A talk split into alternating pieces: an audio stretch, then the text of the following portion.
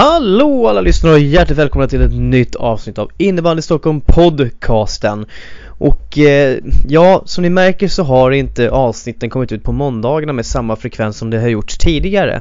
Och det är till stor del för att det har varit en intensiv decembermånad för undertecknad. Och därför så har vi då helt enkelt valt att bara hålla oss till dessa specialavsnitt i huvudsak.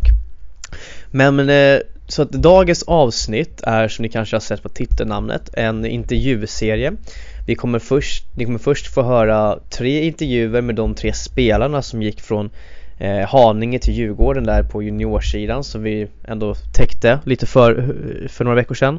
Och eh, få lyssna på vad de har att säga. Och eh, ja alltså det det, det känns, känns, känns kanske, ja, nej men det, det är väl bra att de får säga vad de tycker och tänker tänker jag. Och eh, Sen kommer vi att få höra Stoffe intervjua Joakim Likama från JB och eh, han kommer även sen också att köra en intervju med Jonas Gavelin. Och eh, är det så att ni vill veta vid vilken tidpunkt vilka av intervjuerna är under, hittar ni det under avsnittsbeskrivningen eh, där tiderna kommer att stå ut så med det sagt så kommer vi sen att ta lite paus här över julhelgen och vi kommer att vara tillbaka sen eh, precis lite innan stundande SDF-SM till exempel och vi kommer även såklart att bjuda på lite eh, halvtidsgenomgångar av de olika scener som vi har följt. Eh, så med det sagt så hoppas jag att ni får en trevlig lyssning. Så att först ut så börjar vi med Isak Valtin. Ja, då sitter vi här med Isak Valtin som är en av de tre spelarna här nyligen som gick över till Djurgårdens eh, innebandyförening från då eh, IFK Haninge. Och eh, vi ska ju då prata lite bara om, om en, hur, hur, ja, men hur du, eh, din känsla har varit och varför det blev som det blev helt enkelt. Och eh, jag tänker väl att vi innan vi gör det kan vi bara fråga, så hur, hur har det känts att komma till Djurgården så här i början, alltså första tiden? Eh, ja, det har känts väldigt bra. Alltså, vi har kommit in bra i gruppen och ja, men vad ska man säga, det känns rätt liksom. Och vi har blivit välkomnade. Så att, sen förstår man också reaktionerna som kommer från höger och vänster, men eh, det är sånt man får ta. Ja, alltså så blir, det kommer ju alltid finnas reaktioner. Det, för det som hände här är ju att det, ändå, det var ju ändå lite anmärkningsvärt och det tror jag att ni håller med om också. Liksom, det går en ja. från Haninge som ligger etta i, i JASen Eh, visst, mm. ni har en ganska fin roll ändå i H4 eh, där ni spelar. Eh, och, men då, då att eh, och sen går ni till Djurgården då, då i deras JAS-lag som ändå ligger bakom. Det finns kanske då allsvenska truppen och jag tänker vi ska bena ut det lite mer men eh, vad var det, om du själv får återberätta, vad var det som, kände att, som gjorde att du kände att du ville kliva över från Haninge till Djurgården? Ja, alltså det, det var inte det lättaste beslutet om man säger så eftersom som du säger så gick det väldigt bra i Haninge och vi låg etta och allting sånt där. Men eh, om vi skulle tänka i det långa loppet så såg vi, ja, jag kan tala för både mig och Gustav där tror jag, att, det, att vi såg en större möjlighet att komma längre inom JASen med Djurgården.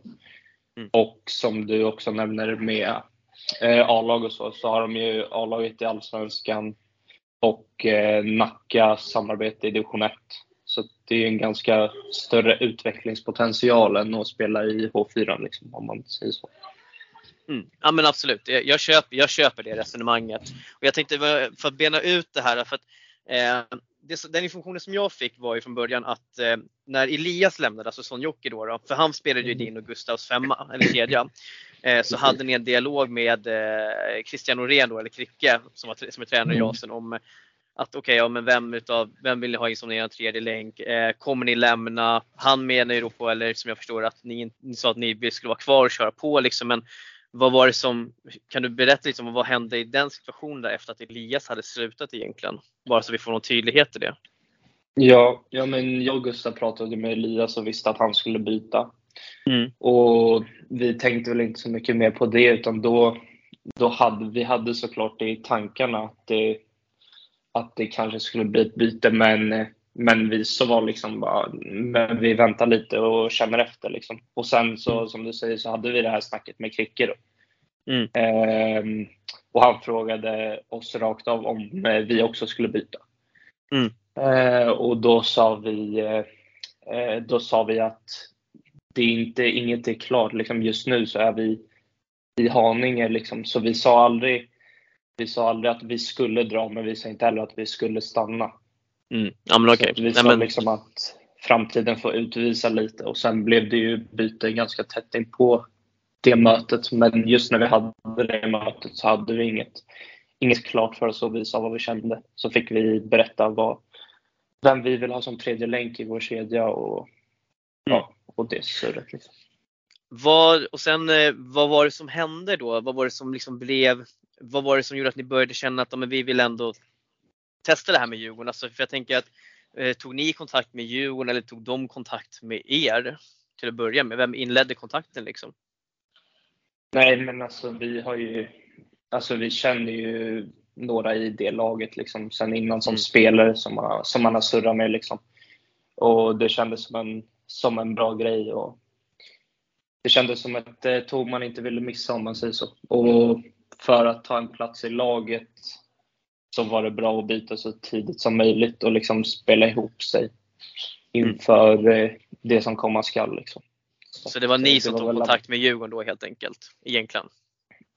Ja, jo, tekniskt sett eftersom vi tog kontakt med, eller vi pratade med spelare och eftersom Elias bytte så hade vi bra kontakt med han och så hade han med tränarna så det blev ju liksom ett, ett band där mellan allihopa egentligen.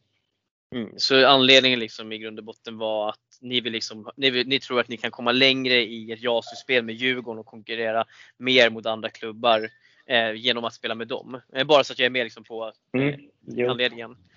Jo, eh, och sen, det som jag är sen intresserad av det är ju eh, jag fick ju höra från både från Djurgården och från Haninge, liksom inte det här, okej okay, men vad är det som ni egentligen har blivit lovade till Djurgården och då som jag förstod det så är det ju att ni ska, ni spelar i JAS och tillhör där.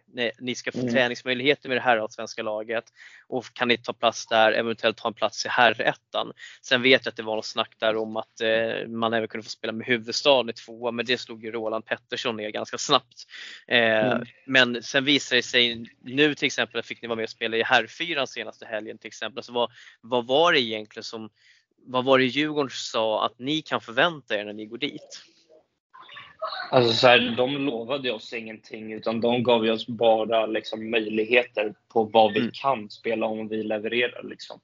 Ja. och gör det vi ska. Så alltså egentligen ingenting mer än att de sa att det finns möjlighet att träna med allsvenska truppen och sen kan man ju, alltså man är ju med på samma villkor som alla andra egentligen. Att mm. man tävlar på varje träning och så och sen även eh, samma med Nacka då. Liksom, det är mest ja. av upp till oss och hur vi levererar. Så att egentligen ingenting lovat mer än att vi ska spela Jasen. Mm. Ja men så att det, egentligen, det de presenterade var möjligheterna som finns om ni presterar helt enkelt. Ja. Och jag tänker sen när det sen ni bestämde er för att ja, men ni skulle, ja, men vi kör med Djurgården, alltså hur, hur gick den dialogen med med, jag gissar på att ni tog det både med eh, Kricke då, då och Niklas Voxmark, för båda som är båda är tränare för Haninge. Och hur, hur var den dialogen? Ja, men vi, vi tog dem eh, innan en träning och bara surrade och sa som vi kände liksom, och, och vad vi ville göra. Mm. Eh, och så, ja, de blev väl besvikna, vilket är jätteförståeligt. Alltså till 100%. Men eh, de förstod samtidigt liksom. Och sa vad de tyckte och vi fick säga vad vi tyckte. Så det var en, en bra dialog även fast det, man förstår reaktionerna liksom. Ja, men absolut. Och um, jag tänker så, jag har väl fått höra så lite och det kan väl du få bekräfta lite för ryktesvägen att eh, det är, att det har lagts fram att till exempel att ledarna då, Kricke och Voxmark då, har pratat, eh, om man säger rent krasst, skit om er inför övriga spelartruppen. Är det här någonting som ni har hört också? Eller har ni känt av att det har funnits någon negativ inställning från deras sida gentemot er för att ni har bytt? Nej, alltså egentligen inte. Men, eh, men man har ju hört lite så grejer från spelare i laget på vad som har sagts och så. Sen vet man ju inte vad som är sant. Alltså, jag personligen väljer att bara inte lägga någon fokus på det. Liksom för mm. Om man säger så här, Kricken och den tränaren, han har tränat mig jag vet inte hur många år, men väldigt många. Så jag kommer inte sitta och liksom lägga ord i hans mun eller någonting. Nej. För att Nej. Det, som, det som har sagts får stå för dem, men jag bryr mig inte så mycket. Mm. Men eh, sen blev det ju så här, ja men eh, ni presenterades ju för Djurgården men sen visade det sig att det inte var någon övergång som var inskickad egentligen och var klar där. Och hur, alltså hur, hur hanterade du en sån situation? För då hamnar ju någonstans där att ni, ni spelar ju inte matcher då utan det är väl bara träning och hur, hur hanterade det, i alla fall du den perioden då? då? Alltså vi tränade ju på som vanligt och var med och kollade på matcherna typ som var. För att eh, tanken var ju, eller dialogen var ju att vi inte skulle spela mot Haninge för att Haninge inte ville det. Um, I Jasen då. Och sen försökte vi så att vi skulle få spela mot Farsta helgen innan den matchen. Ja. Men eh, ja, då gick ju det i kras också. Så Mm. då blev det ju bara träning och alltså så här, jag tänkte väl bara att man får köpa det liksom, när man gör ett sånt här val och byta mitt i säsongen så får man ändå ta konsekvenserna av vad som händer sen. Liksom. Så Mm. jag tänkte inte så mycket på det mer än att jag, jag gör mina träningar och fokuserar på det och sen eh, börjar med matchspelet när, när allting är klart. Utan att lägga mig i vad sportchefer och sånt gör. Men så du, du kände i alla fall att du hade förståelse för att Haninge kanske inte ville att ni skulle spela mot dem helt enkelt? Ja, absolut. absolut. Och eh, vad, vi kan ju fråga, vi, får berätta, vad, vad, vad, känner, du- vad känner du kring matchen då? Eh, Haninge vann ju där efter en liten eh, holmgång får man väl säga, men vad, Ja. Vad, Ja. vad, hur, hur, vad, vad, hur, kände, hur kände du själv? För jag gissar på att du var där och tittade på matchen. Det, det, jag, var, jag var inte på plats, men det var tanken att jag skulle vara det. Men eh, jag hade lite andra grejer, så jag var inte där. Men jag hållde ju såklart koll i vad som hände och snackade lite med Gustav, för han var ju där. Så att, eh, och frågade hur det var och hur det såg ut. Liksom. Han sa ju att det var liksom, det var att eh, ja, men Djurgården hade inte sin bästa match, var vad jag fick höra. Att det var släppa och gå vidare match. Liksom. Att det var ganska Ja. oturliga, snabbliga mål liksom, som släpptes in och så. Så Mm. att, eh, men det var, det var kul för Haninge liksom. Jag kan inte säga något annat. Jag satt ju inte Mm. och var, var sur eller någonting. Så att, Nej, men det, det, säsongen är lång och det viktigaste är att ta sig till playoff. Vi får ta en av playoffplatserna i slutändan och sen där kan ju allt hända såklart. Ehm, vad, men vad ser du, vad ser du här fram, framöver nu den här resten av säsongen? Alltså, vad, känner du själv att du kommer att kunna liksom hota om att alltså, få spela med här ettan eller sånt där? Eller känner du att det är verkligen fullt fokus JAS som gäller nu? Och att det andra är en bonus? Alltså det är det jag har ju varit nu, alltså inför säsongen när det funnits intresse och sånt där. Att jag verkligen varit så här, jag fokuserar på JASen det här året. Och vill göra det bästa jag kan av det här sista året då, JASen som vi 05 har nu. Mm. Så att eh, det blir väl där fokuset ligger och sen eh, om man gör det bra för att komma någon annanstans liksom så, så är jag öppen för det och tycker att det är jätteroligt och kommer göra mitt bästa liksom. Men eh, men jag kommer inte eh, liksom sitta och sura över om jag inte får spela eller träna med något A-lag här och där. Liksom. Men det är väl jättebra. Jag tycker ändå att du har varit ganska tydlig här med att alltså, anledningen till att du går över är för att du, du tror helt enkelt mer på att Djurgården i långa loppet kommer att kunna ta, ha större möjlighet att ta sig till innebandyfesten än vad till exempel Haninge hade haft och att det är då liksom i och med att det är ditt sista JAS-år så ville du ta den här chansen att göra det här och det är fokuset på JAS så att allt seniorspel som kommer därefter egentligen är en bonus. Var det någorlunda summerat helt enkelt? Jo, men det var jättebra summerat. Det är väl det jag försökt få fram. Ja, eh, alltså jag har väl inte gett, inte gett så många fler frågor än så Isak, utan det är om du skulle vilja säga någonting för, för din räkning eller vad som helst kring den här situationen. För det har ju ändå liksom varit lite, lite stormigt får man ju ändå säga. Eh, känner du att du har fått ge din bild eller är det någonting du vill tillägga? Nej, egentligen inte. Alltså, jag tycker att en bra bild har kommit fram och det är väl, jag skulle säga rätt bild som har kommit fram nu och jag hoppas att alla förstår våran, våran syn på saker och ting och inte bara ser att Djurgården plockar spelare hit och dit utan att det är liksom, vi står för vad vi gör. Liksom. Ja men eh, jättebra sagt. Eh, och jag ska inte ta din tid så mycket mer än så utan eh, tack så mycket för att du var med och ställde upp på intervjun helt enkelt. Tack för att jag fick vara med. Ja men det var så Isak.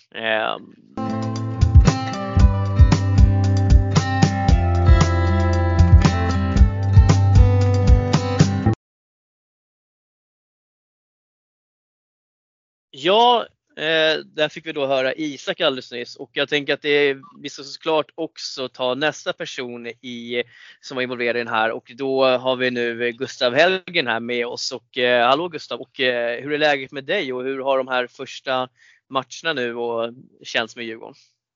Ja, det är bra. Det känns som man kommit in i truppen rätt bra och sen eh, ja, har det väl varit lite tråkigt av JAS-matcher men det funkar lika bra. Ja, men hur, hur har du känt liksom välkomna, har du känt välkomna i truppen och liksom hur, känt, hur har liksom hela känslan varit kring att komma in i Djurgården här och träningar och allt sånt där? Nej, men jag kände några spelare innan och sen så har man ju sina nära vänner med de som har kommit från Haninge också. Så det har varit rätt lätt att komma in i truppen och så. Ja men det är skönt. Det är alltid skönt att få den där, äh, en bra startsträcka så att eh, man kommer in i grejerna direkt. Och jag tänker att det, det vart ju lite stormigt här kring eh, era övergångar och dylikt till Djurgården och eh, jag tänker att vi ska bena ut det här nu så att du liksom får ge, ge, din bild av den situationen som uppstod. Och jag tänker att vi kan väl, vi kan väl börja liksom med hela grejen att Eliasson Jocke lämnade ju som var er kedjekamrat till dig och Isak Valtin. Eh, och det som, den informationen som jag fick var ju då att ni hade en dialog med Christian Norén, eller ja, Kricke, eh, med, där, ni liksom, där, han, där han frågade er huruvida kommer ni vara kvar eller inte eller kommer ni dra nu? Eh, som jag förstod då, därifrån så var det att ni sa att ni skulle vara kvar och kriga på. Eh, och sen så då, så blev det Djurgården ändå. Så jag tänker väl vi kan väl börja i den änden. Alltså, vad var det som, vad var det som hände där då? Eh, nej men först och främst så var det ju att Elias bytte då och mm. då fick jag väl ett samtal från Kricke. Eh, I det samtalet så berättade jag till honom att, liksom, att jag har väl en tanke på Djurgården och liksom inte att jag ska byta men ändå att liksom, det är något som jag tycker är intressant. Eh, det, finns en, det fanns liksom ändå liksom i bakhuvudet lite så att du funderar i alla fall. Ja men eller hur. Mm. Eh, sen så sa jag till honom, jag, bara, men jag vill se hur vi ställer upp mot Bayern och liksom om vi är där och faktiskt kan liksom hålla spelet eller liksom vara där och liksom tävla som att vinna den matchen. Mm. Då kanske mitt huvud ändras lite. Ja. Genom att stanna eller att gå liksom. Vi får väl se liksom, jag. Um, sen så var det inte så mycket mer om det. Då ville han väl prata om framtida grejer och jag bara, men jag har inte bytt lag än och jag har inte bestämt mig liksom. Mm. Jag är fortfarande en del av Haninge och truppen. Ja. Men ja, så var det. Och vad var det som, eh, för sen så Okej, så du gav liksom ingen riktigt rakt besked, men jag vet som, men det blev ju Djurgården som såklart som vi har sett. Eh, vad var det som fick dig att liksom ändå ta klivet till att provträna med Djurgården eller börja köra med dem? Var det, det att, var det du som tog kontakt med Djurgården eller var det de som kontaktade dig? Alltså, hur, hur gick den biten till? Eh, nej, men alltså det var väl bara småsnack mellan, alltså efter Elias hade bytt så pratade jag och Isak om det var Eh, och sen hade vi kontakt med honom och sen tyckte jag att det lät intressant med spelarna de hade och så. Eh, och då tog jag väl kontakt och frågade om jag fick provträna. Mm. Ja men och eh, när ni sen var på provträningarna alltså, alltså, och så hade ni säkert dialog med tränaren. Vad var det som vad var det, de, vad var det Djurgården sa? Alltså för att vi, jag, fick, jag har ju fått höra liksom att det, kring det där att det som har lovats eller det som har sagts i dialog mellan er och Djurgården är att ja, men ni ska tillhöra JAS-truppen, ni ska spela JAS-matcherna, det ska finnas träningsmöjligheter med herrasvenska laget. Eh, tar man inte plats där så ska man kunna spela med H1-laget i Nacka där. Eh, men sen så såg vi ju nu, ja det var ju något snack om huvudstad där som Roland slog ner ganska snabbt. Och sen så nu såg vi till exempel att ni fick vara med och spela med H4, eh, Djurgårdens H4-lag här i helgen. Så kan du, skulle du bara kunna bena ut, vad var det som sades i dialogerna mellan, mellan dig och Djurgården då helt enkelt? Ja men alltså det handlade mest om att vi skulle få möjligheter till träning liksom. Och mm. att eh, om det är tränarna i de lagen som Nacka eller Djurgården tyckte att de var bra nog så skulle man få spela. Det mm. var mm. det som var lite konstigt för det var inget lovat och det har ju inte jag fått höra av någon av tränarna heller. Nej. ja, och sen H4-matchen, det var väl mer bara för roligt liksom. Nej men precis. Så att det var väl mest det att det var väl det som kändes. Jag tror att det som folk reagerade på där var att det var lite anmärkningsvärt för ni gick ju från ett Haninge som ändå låg etta i JAS som ligger ettan i H4 till, till Djurgården kanske för att få lite bättre förutsättningar och så blir det ändå H4. Det var väl med det. Men det är väl klart att jag fattar också att man vill spela matcher och komma igång. Speciellt ni som då har varit liksom lite i limbo här ett par veckor nu när inte övergången har varit klar. Eh, men alltså ni kontaktade Djurgården, i alla, eller du kontaktade Djurgården och bad om en provträning i alla fall. Så bara så att vi har den liksom klar. Eh, ja. Och sen då så bestämde ni er uppenbarligen för att köra Djurgården och vad, hur gick dialogen då med, med Kricke och Voxmark då som är tränare i Haninge? Eh, det var väl liksom, alltså jag och Isak visste väl halvt liksom vad vi ville, men också inte liksom. Alltså så här, det var svårt att ta det beslutet eftersom, alltså speciellt för mig som har spelat i den klubben hela mitt liv. Mm. Eh, sen så var det mer att eh, ja, men det beslutet blev lite framstressat av Kricke som ville boka ett möte. Eh, Mm. Och så då tog vi det mötet och då sa vi väl det vi kände då, det var väl att gå till Djurgården liksom. Och, men då, inte ens då var det, kände ni inte att det var helt klart vid det, vid det mötet utan ni kände liksom ändå att det fortfarande var lite så här, ja, men ska vi vara kvar eller inte? Och skulle du säga då att det här mötet blev någonstans, gjorde det någonstans att det blev enklare för er eller för dig att ta beslutet att gå till Djurgården? Ja, jag kan väl bara prata om mig själv egentligen. Men ja, alltså, jag inte, jag var väl lite... alltså jag var verkligen... Alltså jag tyckte bara det var ett tufft beslut att ta. Alltså jag kände Mm. väl ändå innerst inne att jag ville till Djurgården. Ja. Eh, och sen hur mötet gick och så, så var det väl lättare att bara gå. Alltså de förstod väl också det. Ja, nej men eh, och jag tänker så här, hur, hur var resonemanget att gå till Djurgården? För som jag, jag nämnde lite där, ni, låg etta, ni ligger etta i JAS, eller låg etta i JAS med Haninge då. Ni hade ju ganska framträdande roller i och med att ni var första kedja och det var mycket, ja men ni hade ju mycket speltid helt enkelt. Eh, och ni gick bra i H4 också. Eh, och Eh, det blir ju lite anmärkningsvärt att gå till, då till ett lag som kanske ligger nedanför er i tabellen och som är direkt konkurrent. Men vad, vad var det som du kände var skillnaden här eh, som gjorde att ja, men du vill köra Djurgården? Eh, jag kände väl själv mest att jag ville utvecklas. Och liksom att eh, hamna i en position där man inte är bekväm liksom får väl en att höjas till en ny nivå. Och jag kände bara att jag blev lite väl bekväm i Haninge och sen kände jag liksom att det fanns möjligheter som jag kunde hitta i Djurgården som var bättre. Alltså så, exakt, så du, du, kände liksom att du blev lite för bekväm med din roll i Haninge och du kände att du behövde utmana dig själv lite mer helt enkelt och komma till en ny, eh, till en ny grupp där du kan kanske liksom få, få kämpa lite mer för din plats. Är det något, jag, om jag tolkar, tolkar det någorlunda Ja. rätt? Då? Nej men det gjorde du. Eh, ja, nej men alltså, och det är inget fel. Alltså, ni, ni, är ju, ni, ni kan ju bäst själva eh, vad, som, vad, som vad som har skett. Och jag tänker, jag har fått höra liksom lite på ryktesväg från olika personer och läger att, eh, att ni känner att, alltså, att det har varit lite, så här, ja, men lite, lite skitsnack till exempel och sånt ifrån Haninges håll gentemot er när ni inte har varit närvarande. Och sånt. Är det någonting som du också har hört eller som du har känt av? Eller finns det någon sanning i det här? Eller hur, hur känner du själv kring de bitarna? Alltså jag har väl inte hört så jättemycket. Men alltså man vet ju. Det har kommit några kommentarer från vissa. Men alltså det är väl helt okej. Man fattar väl kanske att folk är irriterade att vi byter i ett sånt läge som vi ligger i nu. Ja, nej men eh, ja, och så, alltså, det är ju en del utav spelet. Alltså, Ja. Som jag säger, det är ju lite anmärkningsvärt egentligen. Men, men som sagt, någonstans så får man väl lita på att ni, ni vi känner ju själva vad som är bäst för kanske för er utveckling också i grund och botten. Och behöver känna ni att det var rimligt att ta det steget så, så är det ju det. Um, men okej, så att, men då, har ni, nu har ni gått över till Djurgården och ni hamnade, övergången var inte klar. Ni blev ju presenterade där ändå och eh, där är, var jag kritisk och det är jag fortfarande. Men eh, jag tänker så här, hur var, hur var känslan för dig att vara i det här limbot? Det vill säga mellan att bara kunna träna och inte få spela matcher. Det, det är väl det som är det svåraste. Alltså man vill ju alltid spela matcher, annars känns det ju lite tråkigt att träna. Men eh, jag tyckte också det var rätt bekvämt att kunna få de där två veckorna att komma in i laget och träna lite innan man börjar spela matcher. Det var lite Mm. jobbigt att bara bli inslängd i en match liksom innan man känner alla, innan man vet vem man spelar med och så. Det var ju tydligt att Haninge inte ville trycka igenom en övergång heller innan de hade, Djurgården och Haninge hade mötts. Kan du ha en förståelse för att Haninge inte ville att ni, ni skulle vara med och spela mot dem? Ja, jag har all förståelse för det. Alltså det gick ju bra för dem så. Ja, vad, vad kände du kring matchen? För jag gissar på att du var där och såg den. Nej, men jag, jag visste väl att Haninge skulle vara taggade. Alltså jag Ja. tyckte väl bara att det var kanske dåligt presterat av vårt lag. Men Mm. vi kommer väl bara utvecklas med de spelarna vi har så det blir bra.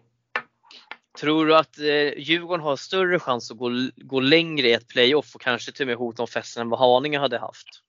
Ja, det tror jag. Vad, tror, vad skulle du säga är skillnaden mellan lagen? Eh, Jag tror att Haninge är ett lag som... Alltså det är många kämpar i det laget men kanske kvaliteten är lite mindre. Eh, och sen tycker jag väl bara att vi har väl mer, mer spelare som kan avsluta matcher. Vad tror du, vad tror du framgent här då, alltså om säsongen och dit? Alltså hur, eh, vad kan vi förvänta oss av dig och Djurgården? Ja, jag tror vi kan för- förvänta er bra saker. Jag tror vi kommer ta oss långt och jag tror att jag kommer utvecklas och bli en bättre spelare. Och eh, jag tänker så här, nu har vi fått svar på lite frågor här och dylikt. Och vad, eh, är det någonting som du känner som du skulle vilja berätta eller tycker att jag har missat någonting som du skulle vilja lyfta om den här situationen? Eller känner du liksom att vi har, du har fått ge din, din bild av, det, av hur du har resonerat och tänkt kring det här? Nej, jag är rätt glad med det jag sagt. Jag behöver inte riktigt säga så mycket mer. Ja men eh, grymt, då ska jag inte upprätthålla dig något mer utan då får du, ha, får du kämpa på med det du gör och fortsatt lycka till i Djurgården helt enkelt. Tack så mycket, detsamma.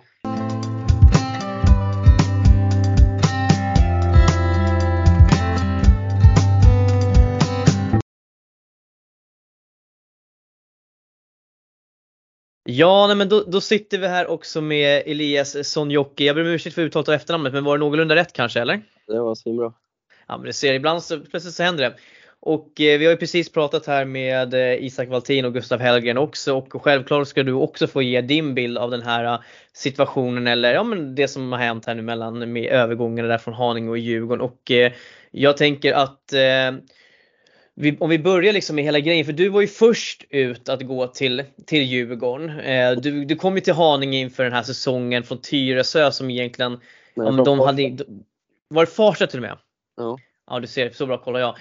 Men eh, från Farsta och um, nu liksom så, ja men du lämnar efter några månader här. Så vad, vad var det som fick dig att känna att, för att som jag förstod det så eh, fick jag ingen riktigt klar anledning från varken Haninge eller Djurgården till varför du valde att byta vid just det här tillfället. Utan Djurgården menade på att det var mer att din nio-tränare kanske hade varit med liksom där med och pratat liksom om hur du skulle tänka och dylikt. Och eh, medan Haninge så var det någon förklaring om att du ville spela med din bror då, som spelar i herrallsvenskan. Så att jag tänker du kan själv få berätta, så vad var det som föranledde att du ville vad att gå till Djurgården?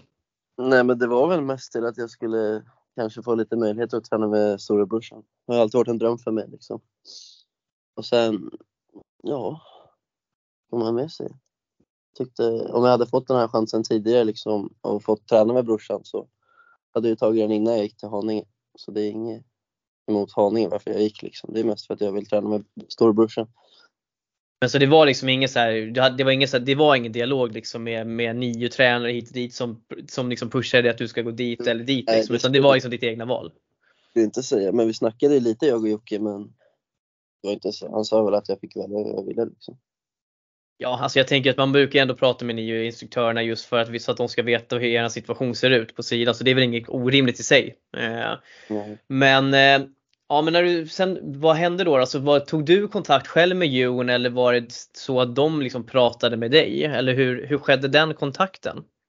Nej, men det började ju med att jag känner ju många från det JAS-laget som kör där. Jag har ju Mm. många polare. Så de undrade om jag ville komma ner och testa liksom. Och då kände jag, en provträning skadar väl aldrig. Mm. Det Och det som, vi fick, som jag fick höra från Haninge, och det här får ju du liksom, du får ju själv liksom bekräfta om det stämmer eller inte, men det var ju att, att du hade tackat nej till Haninge-träningarna och med att du var sjuk och så var du på provtränade. Men att du sen liksom, du hade, sen efteråt så hade du ändå kommit fram till ledarna i Haninge och berättat att det var det här som var anledningen. Och vi var ju lite, vi var ju lite kritiska till, den här, till just det här agerandet så, men var det så det gick till eller var det på något annat sätt? Alltså sjukanmälde mig skulle jag inte säga att jag gjorde. Jag skrev väl att jag inte kunde träna. Så, Mm. men, ja. Ja, nej men eh, okej, så ingen sjukanmälning men liksom du valde att tacka nej till träning och liksom inte eh, för att köra provträning med Djurgården helt enkelt. ja, så var det. Ja, ja men det och liksom så här, alltså alla gör ju, gör ju sina val liksom. Det är ju Ja. inget konstigt. Men du berättade ju för dem sen efteråt i alla fall och det, så det, det, där gjorde du ju ändå rätt. Ja men det var väl mest om att jag åkte dit och tränade och sen om det inte var något bra och sen om jag hade berättat liksom för Haninge att jag var där och tränade kanske jag hade fått mindre speltid och så. så det, var Varför, var, varför var du orolig för det för? Alltså hade du en sån känsla? För att jag menar, någon, det är någonting som antagligen gör, skapar en sån här känsla att om, man inte, om du känner att du kan vara rätt fram med en sån sak, alltså är det någonting, var det någonting som hade hänt innan eller som Nej. påverkade dig? Det var ingenting, det var bara så jag var ny, hyfsat ny i laget så jag var Ja. inte helt säker på om jag skulle få spela och så. Om jag, ja, men lite osäker på din roll. Exakt.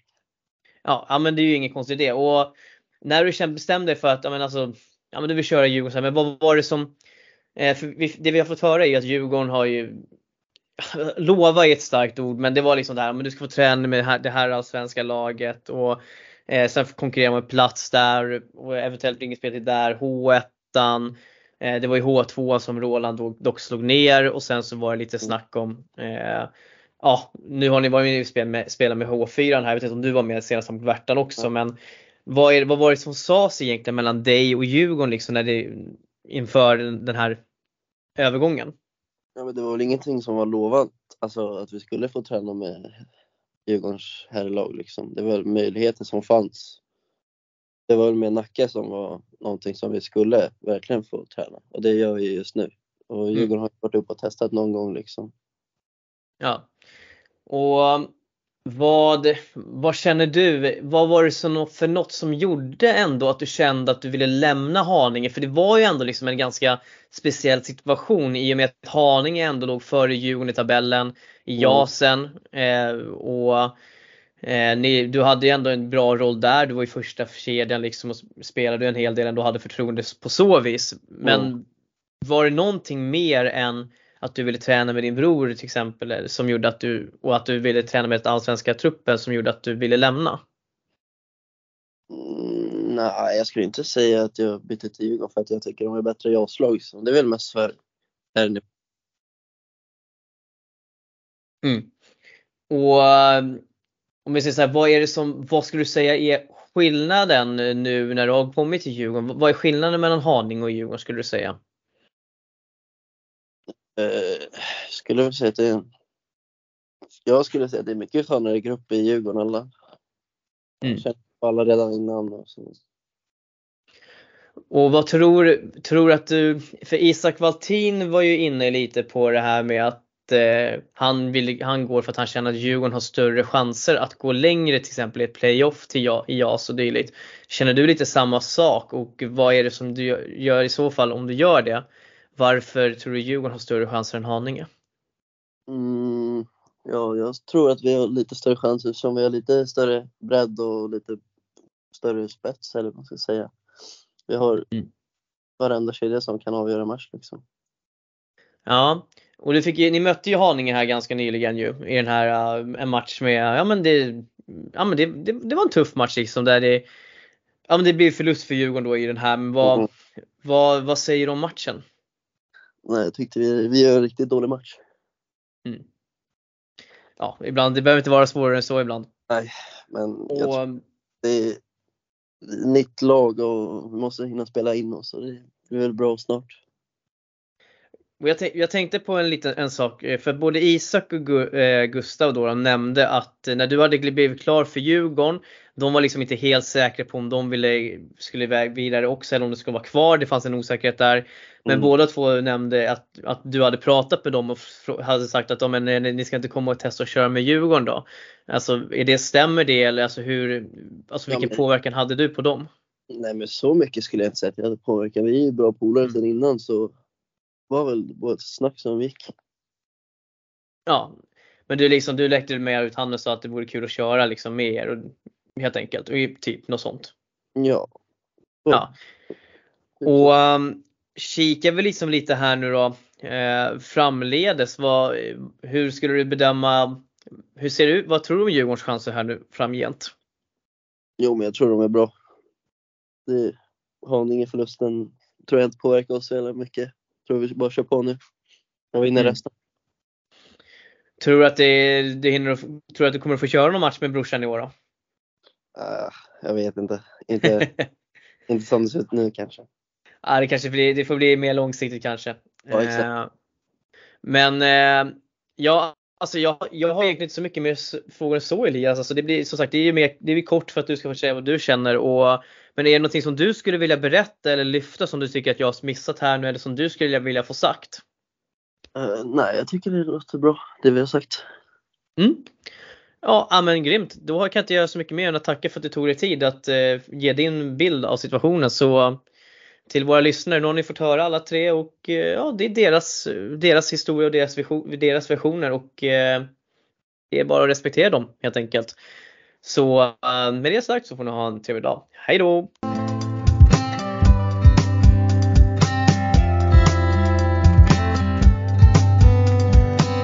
Välkomna till eh, detta avsnitt som kommer att fokusera på Allsvenskan. Jag är Kristoffer eh, Fagerberg eh, som vanligt eh, när det gäller Allsvenskan och vår bevakning därav. Eh, med mig idag så har jag eh, Järfälla Beles coach eh, Joakim Likama. Välkommen till podden. Tack så mycket. Trevligt att vara här. Ja, eh, och för den som eh, vill djupdyka lite mer i, eh, Joakims historia så har vi en tidigare intervju med honom. Det är avsnitt nummer 10. Så om ni går tillbaka i, i poddkatalogen där, om ni använder Spotify eller vilken ni använder, så hittar ni en tidigare intervju vi gjort med honom. Men när vi intervjuade dig sist så, eh, så coachade du Belas damer. Hur kom det sig att du tog steget över till eh, herrlaget inför den här säsongen? Ja, du, de ringde och frågade och jag kände att jag ville tillbaks inom eh, på herrsidan på elitnivå. Eftersom jag har ju mm. varit spelare där så länge så att när frågan kom så, så kändes det rätt naturligt egentligen. Eh, nära till hands i samma kommun och sådär. Kände väl att det tar ju tid men det, det, det kändes ändå görbart. Så, att, eh, så det kändes rätt naturligt att tacka ja faktiskt. Mm. Kul, kul. Eh, och inför säsongen så hade ni ju en ganska hög eh, spelaromsättning.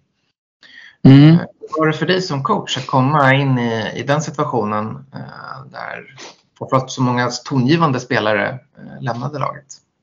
Ja, utmanande såklart.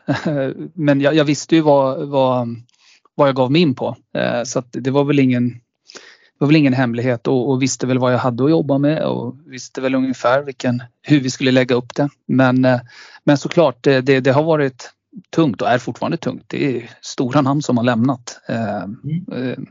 Men jag känner väl ändå att vi börjar hitta någonting här som, som liksom som ger oss hopp om den övre halvan i alla fall. Mm. Eh, men om någon hade, hade sagt till dig så här i, i augusti att eh, i december eh, då kommer ni ligga tre poäng före Gävle i, i tabellen. Det hade känts ganska bra va? Ja, det hade känts jättebra. nu har ju de underpresterat såklart. Men vad var era förväntningar? Alltså, så här, vad hade ni vad var målsättningen och, och hur, hur, tänkte du att, eh, att ni skulle ligga, ligga till halvvägs?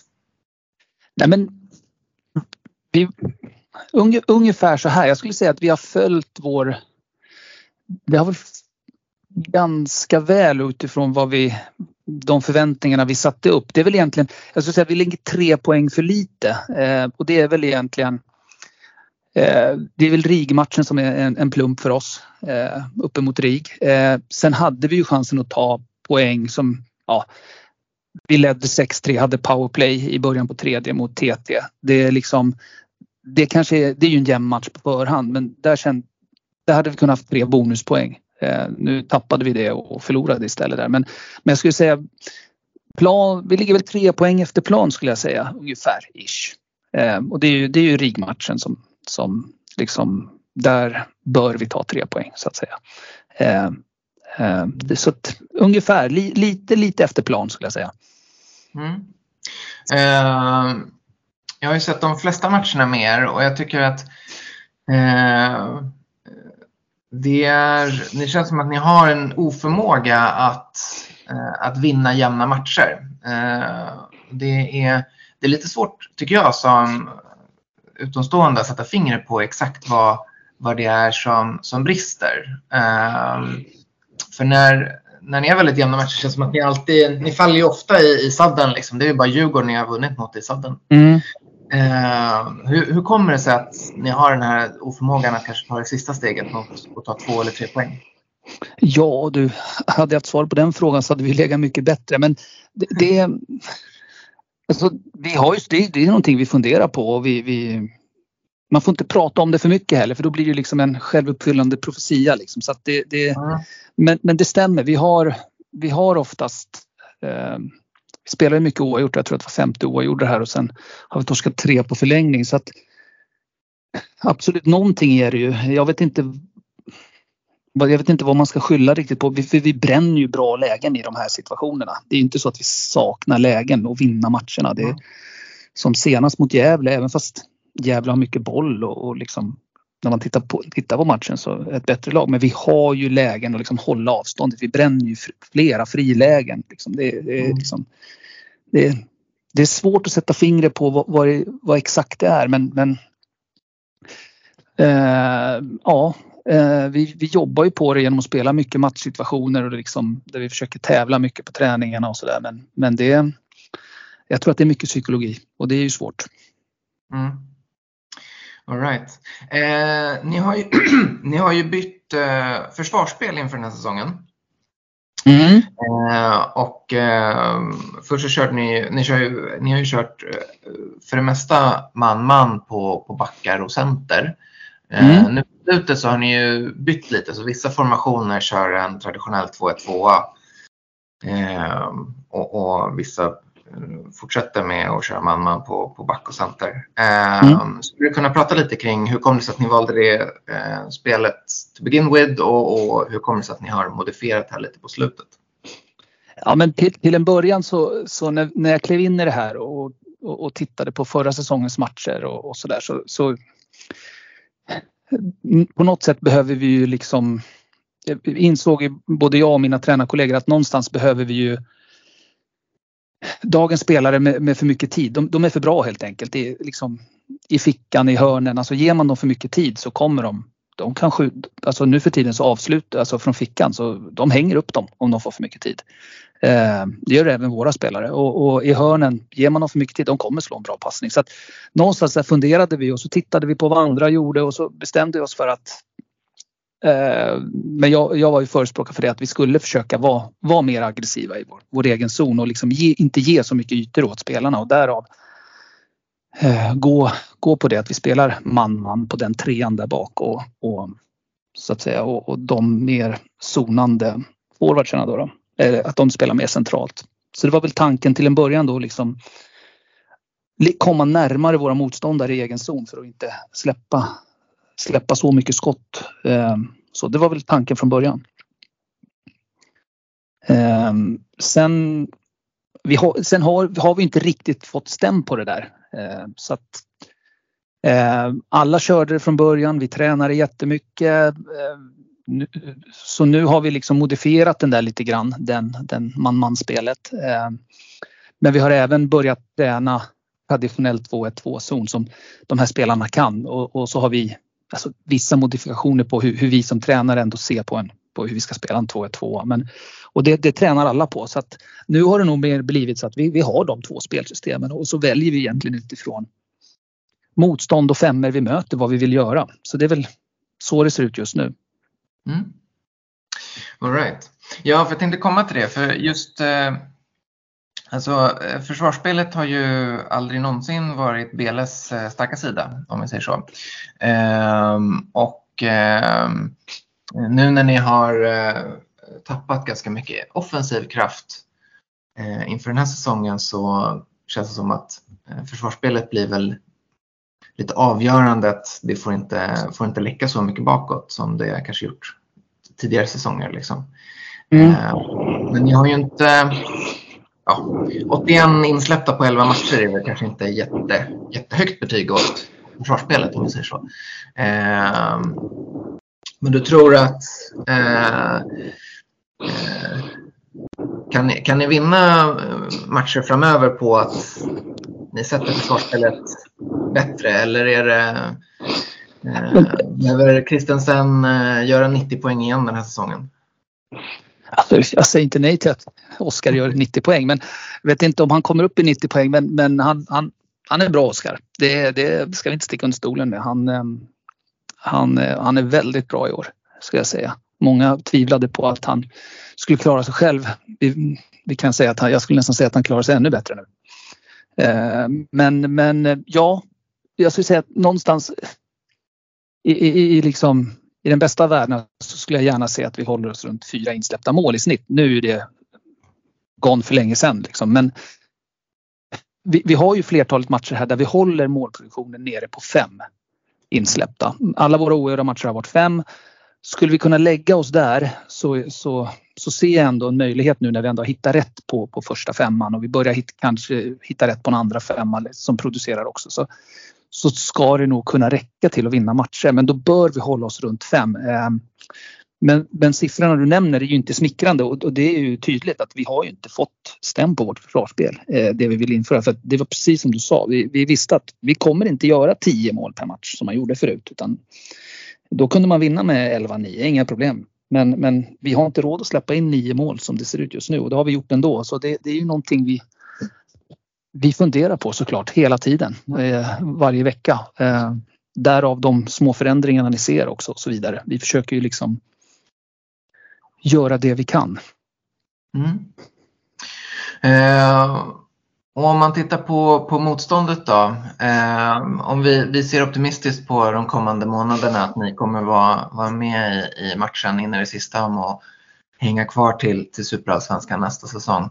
Eh, mm. vilka, vilka andra lag tror du är eh, som, som kommer att tampas eh, eh, om, om de där femte och sjätte platserna i slutändan? Men jag, ja, men jag tror väl att det är Alltså nu blir ju, jag tror att Gävle kommer ge sig in i den där striden. Det, det tror jag faktiskt. Eh, mm.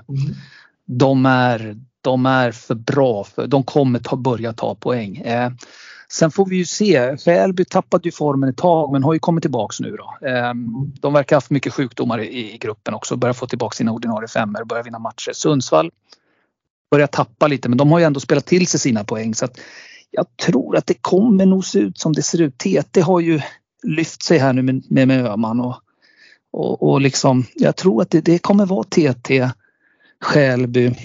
Sen får vi se om Sundsvall kan liksom hålla sig där över. Det, det, det, jag hoppas inte det då såklart men, men låt oss säga att vi, vi drar med Sundsvall i den striden då. Så Sundsvall, TT, Skälby, Djurgården och vi då. Och, och så mm. Gävle. Så att det kommer, det kommer, alltså jag trodde nog att fler lag skulle vara helt avhängda här vid det här, i den här tidpunkten. Men så är det ju inte. I princip alla har ju fortfarande chans. Inte Älvsjö kanske men, men, men resten liksom. Falun är ju med också med helt plötsligt. Så att det kommer bli ett jämnt race eh, så att säga. Mm. Ja, eh, det kommer det onekligen. Eh, finns det några spelare i, ditt lag som du tycker har, har överraskat positivt? Alltså alla vet ju hur bra Kristensen är så att eh, Eh, jag tycker de som... Vi lämnar honom. Ja, nej men, ja. Alltså, de som tvivlade på att han skulle, inte skulle klara sig utan Madani och, och Hernegran eh, har inte sett honom spela. Eh, fan vad bra han är. Eh, men eh, hur, eh, om du skulle vilja lyfta någon i, i truppen som du tycker har varit särskilt bra, utom Kristensen då? Vem blir det? Ja, nej men vår, vår, jag skulle nog säga att till och med vår bästa spelare har ju varit Erik, Erik Andersson skulle jag säga. Eh, på backen. Han har varit, eh, han har varit jätte, jättebra. Och sen, sen, sen även Tim i målet är ju bra. Men jag skulle även vilja liksom vårt målvaktspar är väldigt bra med Holbro också. Eh, det gör att det är tävling på, på de höjer sig. Eh, eh, Holbro har stått två matcher, han stod tyvärr mot Dalen då men men eh, ja, Ja precis och, och, Tim var sjuk så vi hade ingen liksom, riktig backup så att han fick liksom ta den. Så att, men jag skulle nog säga målvaktsparet och, och, och liksom Erik har varit väldigt bra skulle jag säga. Mm. Ja men eh, kul. Erik är ju en rutinerad eh, förstärkning för den här säsongen. Eller ja, eh, han var ju hos er tidigare, comeback får man väl säga. Mm. Um, och om vi ska runda av här lite, eh, jag lovade att hålla det här kring 20 minuter. Hur, eh, vad ger du dig för, eh, om du ska säga, sätta odds på, på, på era möjligheter att spela Superallsvenskan nästa säsong? Vad, vad skulle du ge dig själv för, eller er själva för odds? Ja, bra fråga. Alltså, ja, men det, jag skulle nog säga att det är 50 chans. Mm. För någonstans blir det så här att jag tror nog att det, det helst vill vi ju komma femma då. Men, men liksom det känns väl ändå som att eh, sjätteplatsen känns nåbar och då är det ett kval och då är det också, det kval är ju kval liksom. Så att, mm. eh, men, men ja, 50% skulle jag säga. Ja.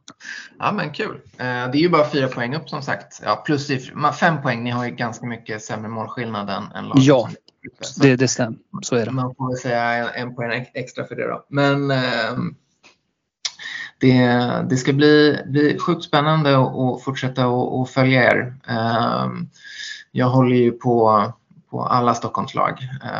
Men det kommer ju gå åt fanders för det är ju Eh, I bästa fall så är det väl två Stockholmslag som klarar sig i år. Eh, mm. Så, så får vi se vilka, eller om, om och vilka det blir. Eh, men du ska ha ett stort tack för att du var med i, i vår podd.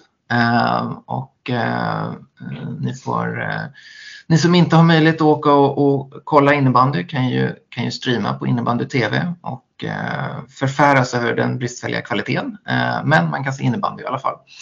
Eh, det, med det så tackar vi stort för att eh, Joakim har varit med oss idag och eh, lycka till i, under våren. Tack så mycket. Trevligt att vara här.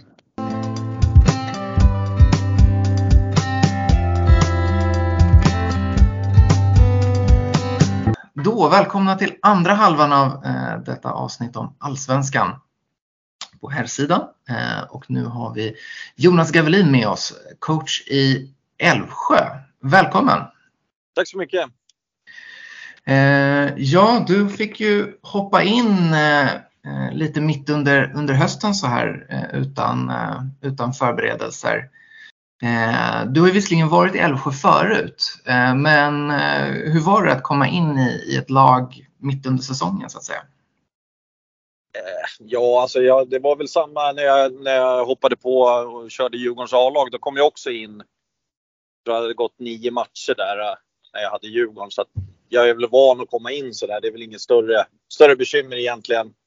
Eh, sen har jag ju varit i Älvsjö tidigare så jag vet ju hur föreningen funkar och och allt runt omkring. Så det var väl ganska lätt att komma in i det. Sen är det väl ganska många spelare som var nya. Såklart, vi har ju ett ganska ungt lag och det var väl några äldre spelare som var kvar från när jag var där sist och då var ju de juniorer. att, eh. Ja. Eh, ni hade ju noll poäng när du tog över. Eh, och eh, vad, vad var din första första åtgärd liksom som, som coach? För jag kan tänka mig att det är inte det är inte helt lätt att komma in i en trupp när, när det har gått trögt i inledningen. Liksom. Nej, det var väl att eh, det är väl alltid så där när man, man förlorar och sen så, så lämnade ju eller, de här tränarna som var där och truppen stod där utan tränare och så fick jag frågan och så kom jag dit och så det är klart att de är lite, lite nere såklart ju när, när man förlorar och energin var väl inte på topp liksom. Så det var väl det man fick försöka komma in med och med energi och, och sen också förklara läget för de som spelar att tabellen ljuger inte utan eh, den brukar ofta tala sanning. Vi ligger här nere av en anledning och sen, sen förstår ju alla att vi, vi har tappat från förra året om man tittar på Älvsjö så har de ju tappat hela sin powerplay femma och det, och det är ganska mycket poäng där ju. Och många spelare med, med stark karaktär och kaptener och, och hit och dit. Och sen har man kanske inte fyllt på med samma kaliber utan har flyttat upp unga, unga spelare som inte har spelat i Allsvenskan tidigare. Det är klart att det blir tufft och det vet ju alla om.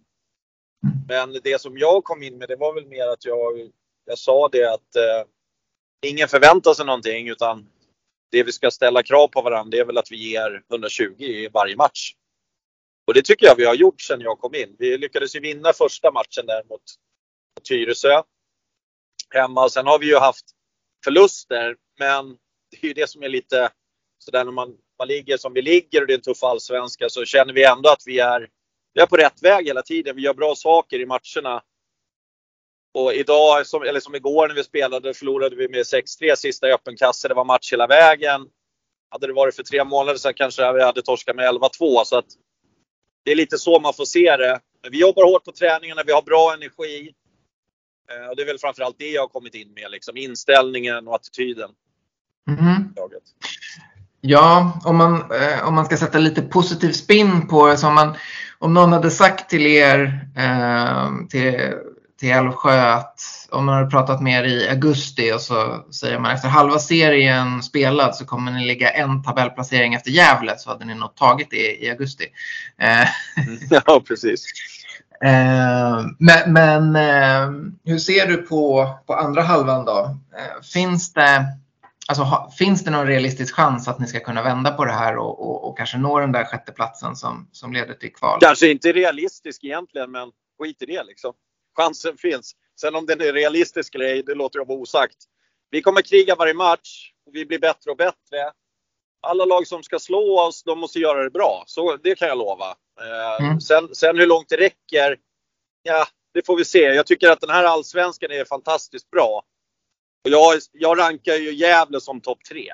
Sen att de ligger och har kommit igång sent, det är en sak. Men ja, Mm. de ska ju vara topp tre. Jag tycker att de här lagen som ligger där uppe, vi har ju Visby tycker jag är, är topp tre. Vi har Gävle tycker jag är bra och så Dalen.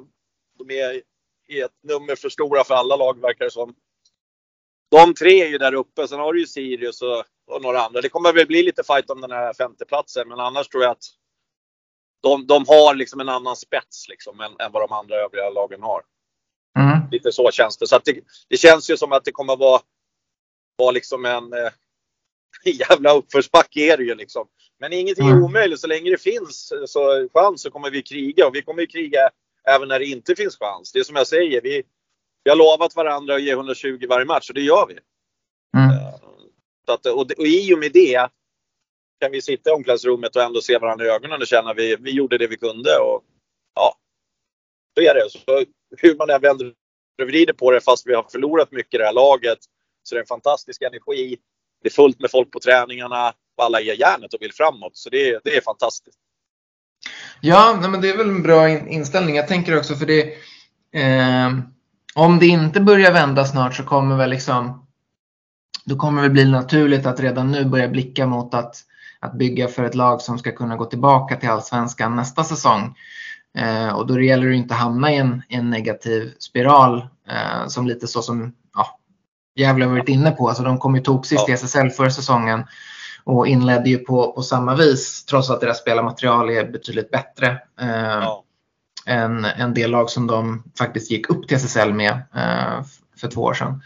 Eh, så att där, har vi ju, där kan man verkligen se vad som, vad som kan hända med ett lag om man, om man går in med fel inställning i, i matcherna så att säga. det. så att det gäller ju kanske då och, och ja, som du säger bygga, bygga för att kämpa så långt det går även, även när det matematiskt kanske blir, blir omöjligt. Eh, för jag Ja, antar att ert, ert mål är väl att gå upp igen om ni åker ur? Jag ser det ju och jag tror att vi, vi har ju duktiga killar som spelar nu i A-lagsmatcherna. De kanske är ett år för tidigt i Allsvenskan egentligen. Eh, Men de utvecklas ju för varje match och blir bättre och bättre och det är ju klart att de kommer ju vara viktiga nästa säsong. Liksom oavsett. Så att jag Mm. menar, det är helt rätt det du säger att man måste ändå tänka så här oavsett vad som händer. Så kommer ju division 1 bli fantastiskt bra nästa år.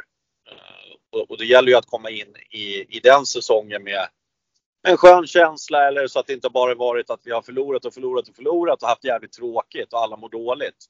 Nu Mm. förlorar vi, men folk mår bra. Vi tränar hårt och vi liksom utvecklas hela tiden. Så det är en viss skillnad tycker jag. Eh, absolut. Om, eh, om, vi, eh, om vi blickar eh, eh, lite, lite mer kortsiktigt då. Ni har ju Skälby i nästa omgång om jag minns rätt. Ja. Eh, som, eh, alltså när, eh, när jag tänker, eh, tänker Älvsjö så har jag ju i princip alltid tänkt att det är ett lag som, som spelar fysiskt och med hög intensitet. Eh, och eh, det är ju, eh, Skälby har ju också, är ju också ett ganska intensivt, eh, intensivt lag. Eh, kommer det att passa er bra eller dåligt? För ni torskade ju ganska stort i första matchen mot dem. Ja, nu har inte jag sett dem. Jag har sett lite highlights med dem. Men, men eh, det stämmer att vi förlorade stort där. Eh, ja, men jag tror att det kom, jag tror de kommer att passa oss. Jag tror att eh, vill man se rolig innebandy ska man nog komma ner till Västertorpshallen. Eh, de är ganska fartfyllda också som du säger. Och relativt unga, snabbt, kvickt spel. Så att jag tror att det kommer att bli en rolig match. Mm. Sen får vi väl se hur vi, hur vi taktiskt genomför den. Men, men jag tror att, att det kommer att bli en bra match.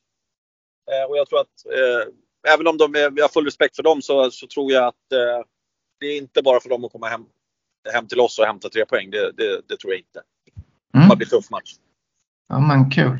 Eh, är det någon som, nu har ju du inte hunnit vara med jättelänge den här säsongen, men är det någon i, i ditt lag som, som du tycker att eh, har gjort det särdeles bra trots, trots att det har gått motigt på, eh, på planen i övrigt? Jag tycker väl egentligen att alla våra unga killar som är juniorer har gjort det väldigt bra eh, i truppen när de har spelat. De, det var också en grej som jag sa att det, jag, jag bad dem räcka upp handen och fråga vilka som var juniorer.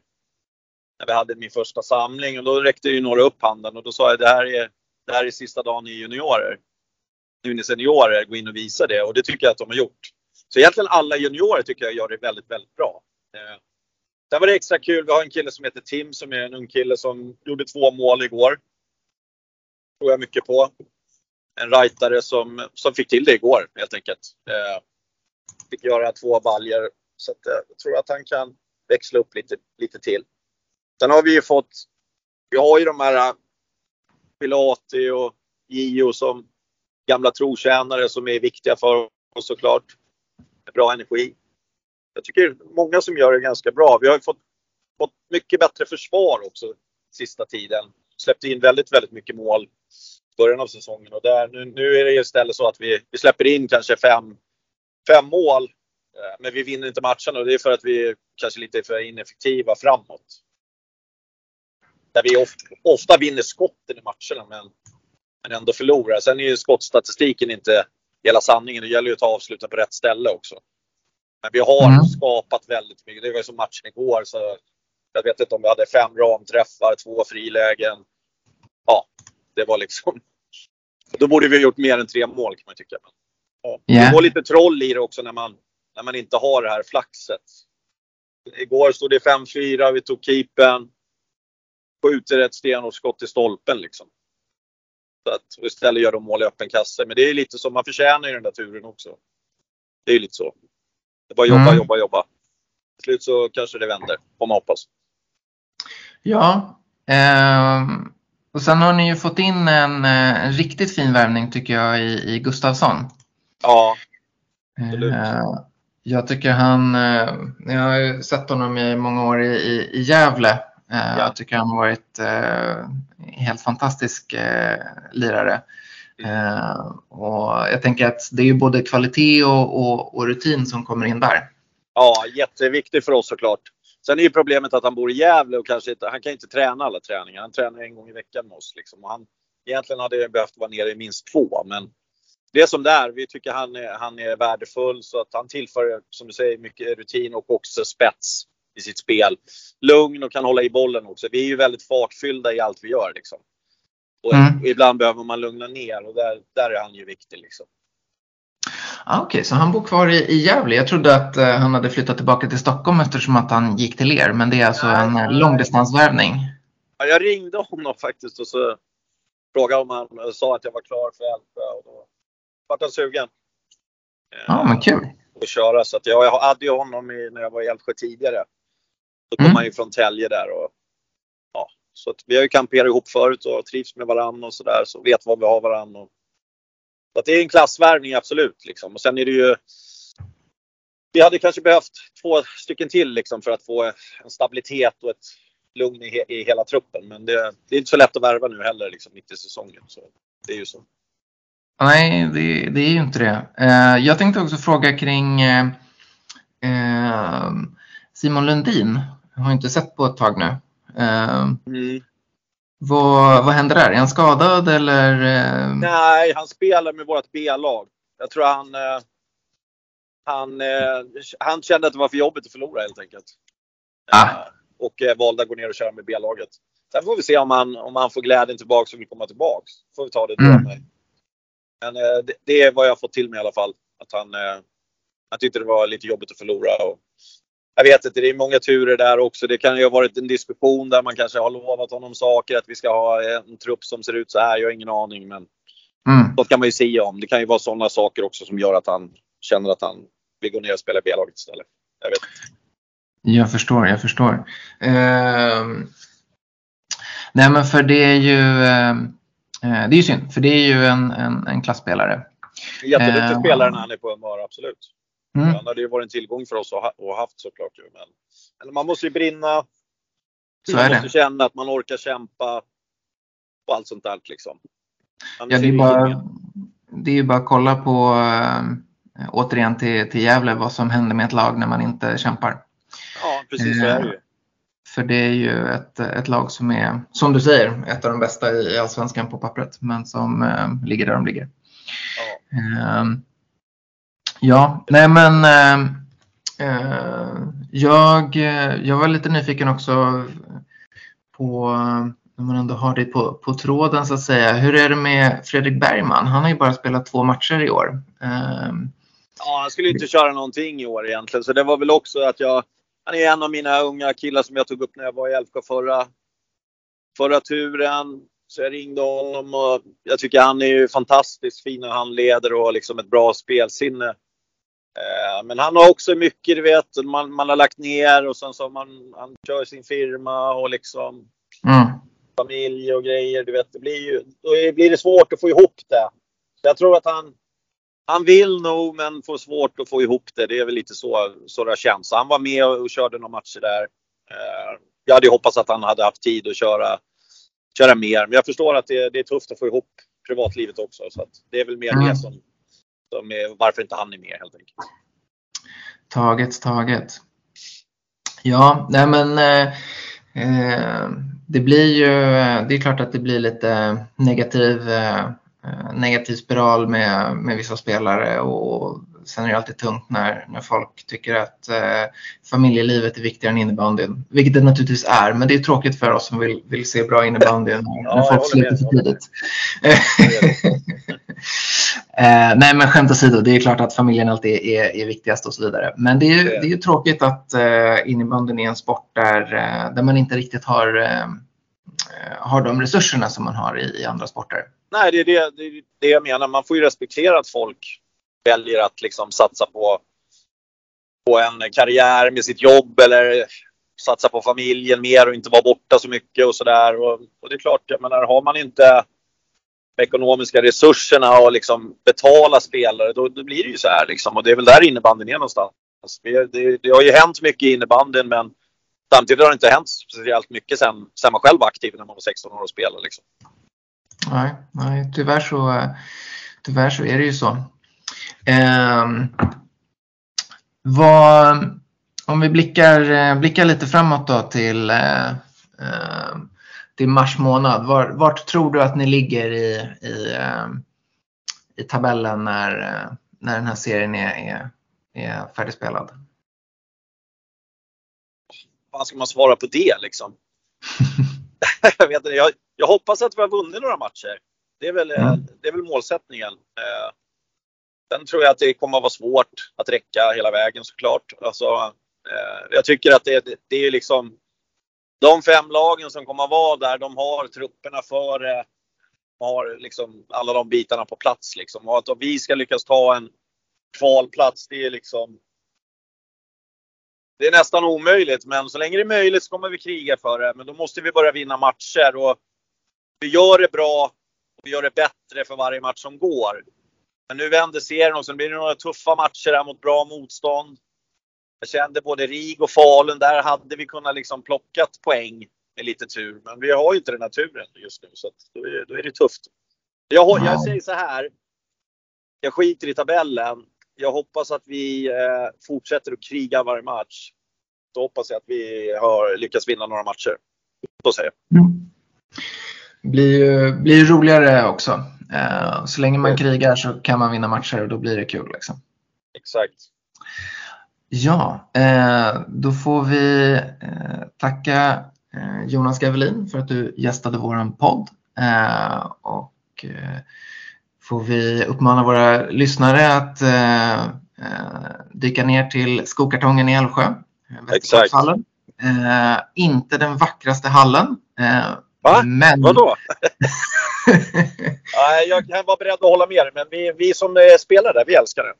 Ja, men det, det, det är kul att vara där för det är ofta väldigt kul på läktaren. Och det är, Älvsjö ska ha mycket cred för att eh, man är duktiga på att få till bra stämning i skog, Mm. skokartongen. Så vi får se vad vi kanske bjuder på några extra. Precis. Eh, tack så jättemycket och eh, lycka till under andra halvan av säsongen. Och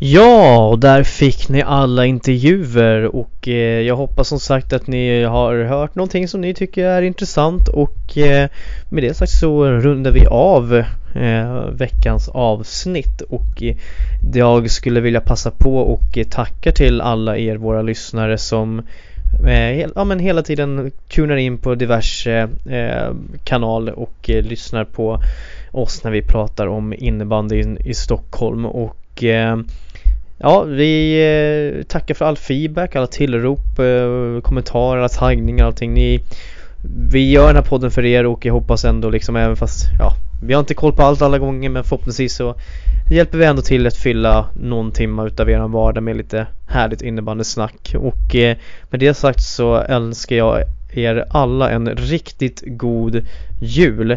Så får vi se om det blir något avsnitt där innan nyår och skulle det inte vara så så ett gott nytt innebandyår till er alla. Hej då!